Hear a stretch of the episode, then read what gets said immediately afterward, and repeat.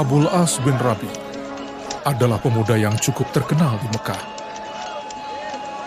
Ia dikenal sangat santun, pandai berdagang, dan kaya raya.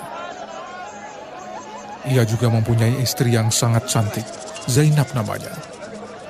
Zainab adalah putri Muhammad dan Khadijah. Muhammad dan Khadijah sangat bangga memiliki menantu yang sempurna seperti Abul As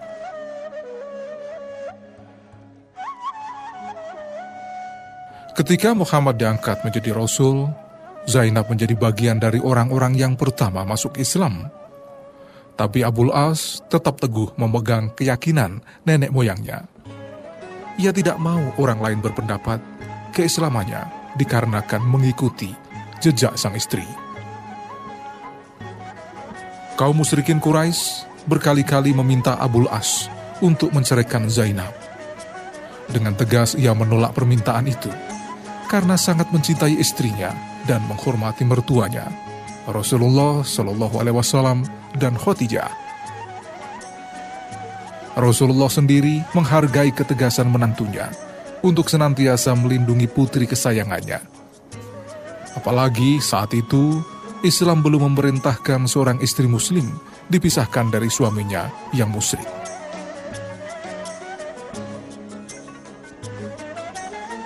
Ketika Islam mulai hadir menerangi Jazirah Arab, berbagai cobaan dan intimidasi selalu dilancarkan kaum musyrikin Quraisy kepada Nabi Muhammad Shallallahu Alaihi Wasallam. Hal itu menyebabkan Zainab sangat sedih.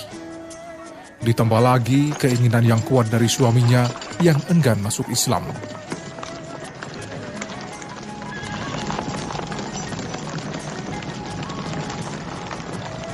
Ketika Rasulullah Shallallahu Alaihi Wasallam hijrah ke Madinah, Zainab tetap bertahan di Mekah bersama umat Muslim lainnya yang masih tersisa. Ketika pecah perang Badar, bertemulah kaum musyrikin Quraisy dan pasukan Muslim. Peperangan itu menyebabkan Zainab galau karena sang suami berada di pihak musuh ayahnya. Padahal keduanya adalah orang-orang yang sangat ia cintai.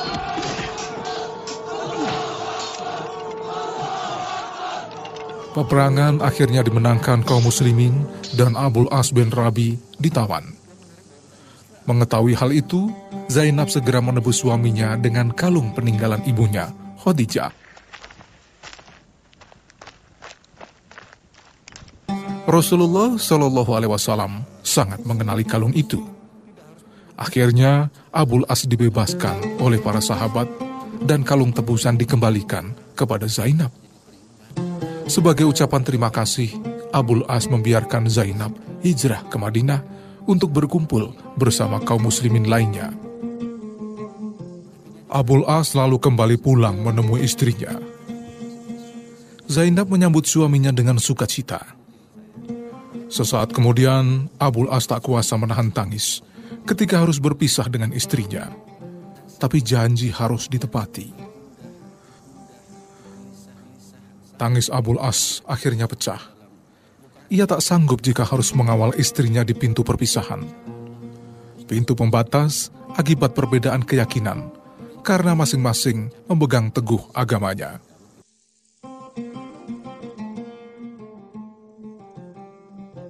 Akhirnya Abul As bin Rabi meminta saudara kandungnya, Kinanah bin Rabi, untuk mengantar istrinya kembali kepada keluarganya. Sikap Abul As yang membiarkan istrinya hijrah ke Madinah menjadi penghinaan bagi kaum musyrikin. Mereka menilai Abul As telah merendahkan martabat kaum Quraisy karena setelah kalah di perang Badar, mereka harus membiarkan Zainab hijrah ke Madinah. Hal itu ditentang kaum Quraisy. Menurut mereka, jika membiarkan putri Rasulullah Shallallahu Alaihi Wasallam meninggalkan Mekah tanpa syarat, hal itu akan membuat kaum muslimin semakin berada di atas angin. Akhirnya, sekelompok musyrikin Quraisy menyusul Zainab dan mencegatnya di tengah jalan.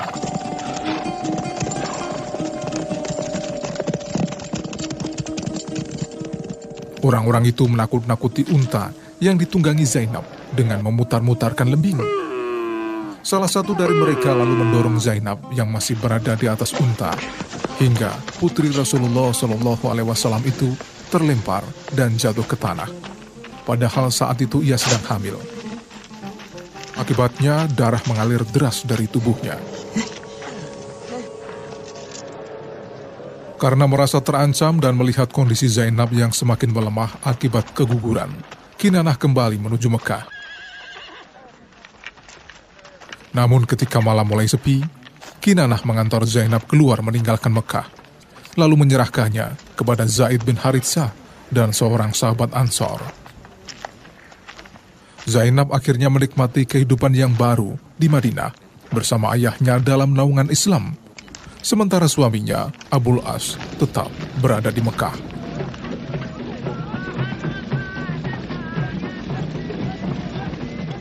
Empat tahun kemudian, sebuah kafilah dagang Quraisy melakukan perjalanan ke Syam. Abul As ikut di dalamnya. Kaum musyrikin Quraisy mempercayakan barang dagangannya kepada Abul As bin Rabi. Namun di tengah perjalanan pulang, mereka bertemu dengan pasukan muslimin yang dipimpin Zaid bin Haritsah. Bentrokan tak terhindarkan dan pasukan muslimin berhasil menawan beberapa orang serta merampas barang dagangannya.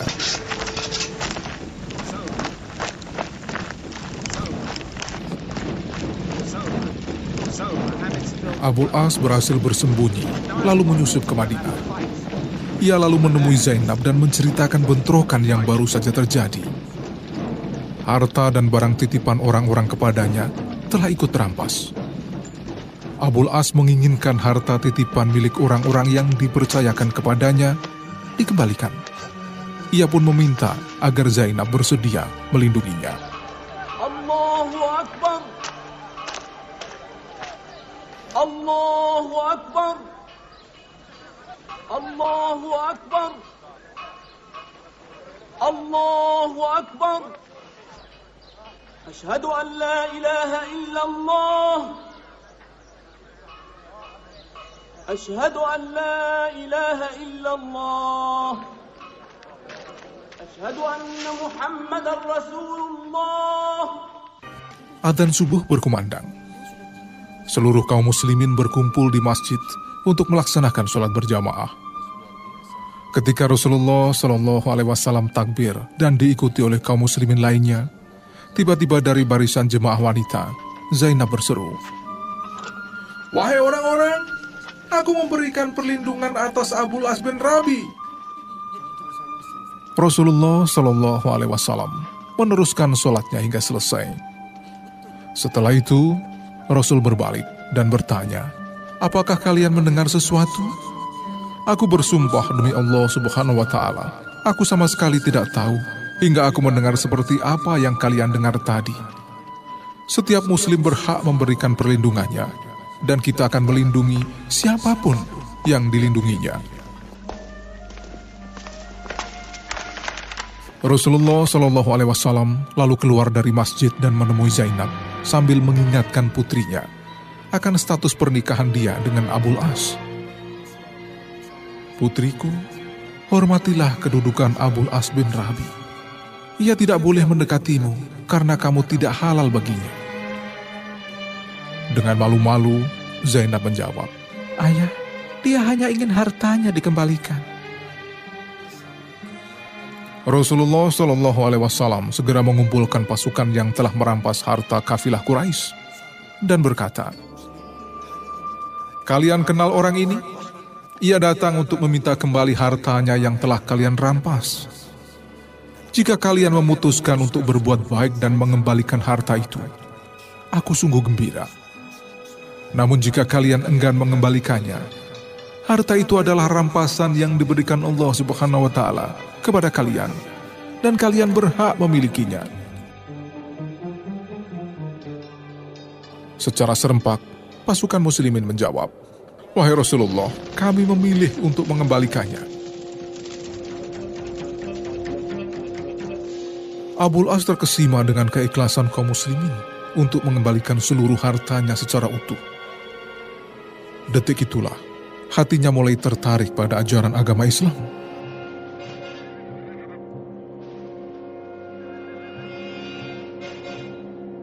Hal itu dirasakan oleh kaum muslimin yang berada di dekatnya.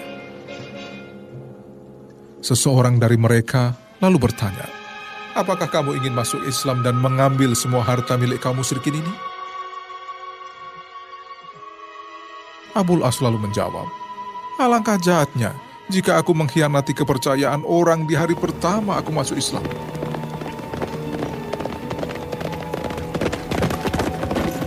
Abul As lalu segera memacu kudanya sambil membawa harta titipan yang telah dikembalikan kaum muslimin menuju Mekah. Lalu ia mengembalikan barang-barang yang dititipkan pada pemiliknya. Ia bertanya kepada mereka, Saudaraku, masih adakah harta milik kalian yang belum kalian ambil dariku? Tidak.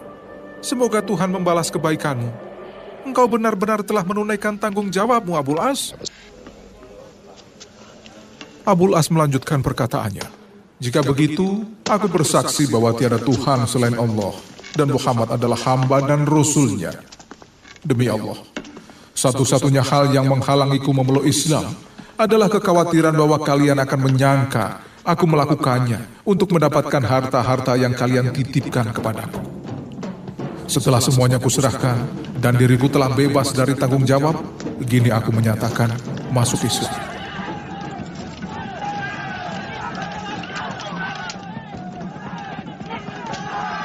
kaum musyrikin Quraisy sebagai disambar geledek mendengar pengakuan Abul As bin Rabi.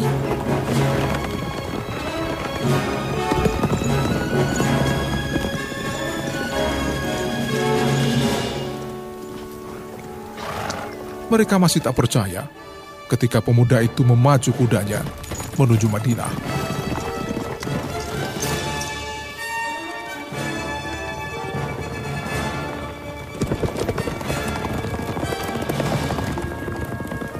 Di kota Madinah, Abul As menemui Rasulullah Shallallahu Alaihi Wasallam dan membaca kalimat syahadat.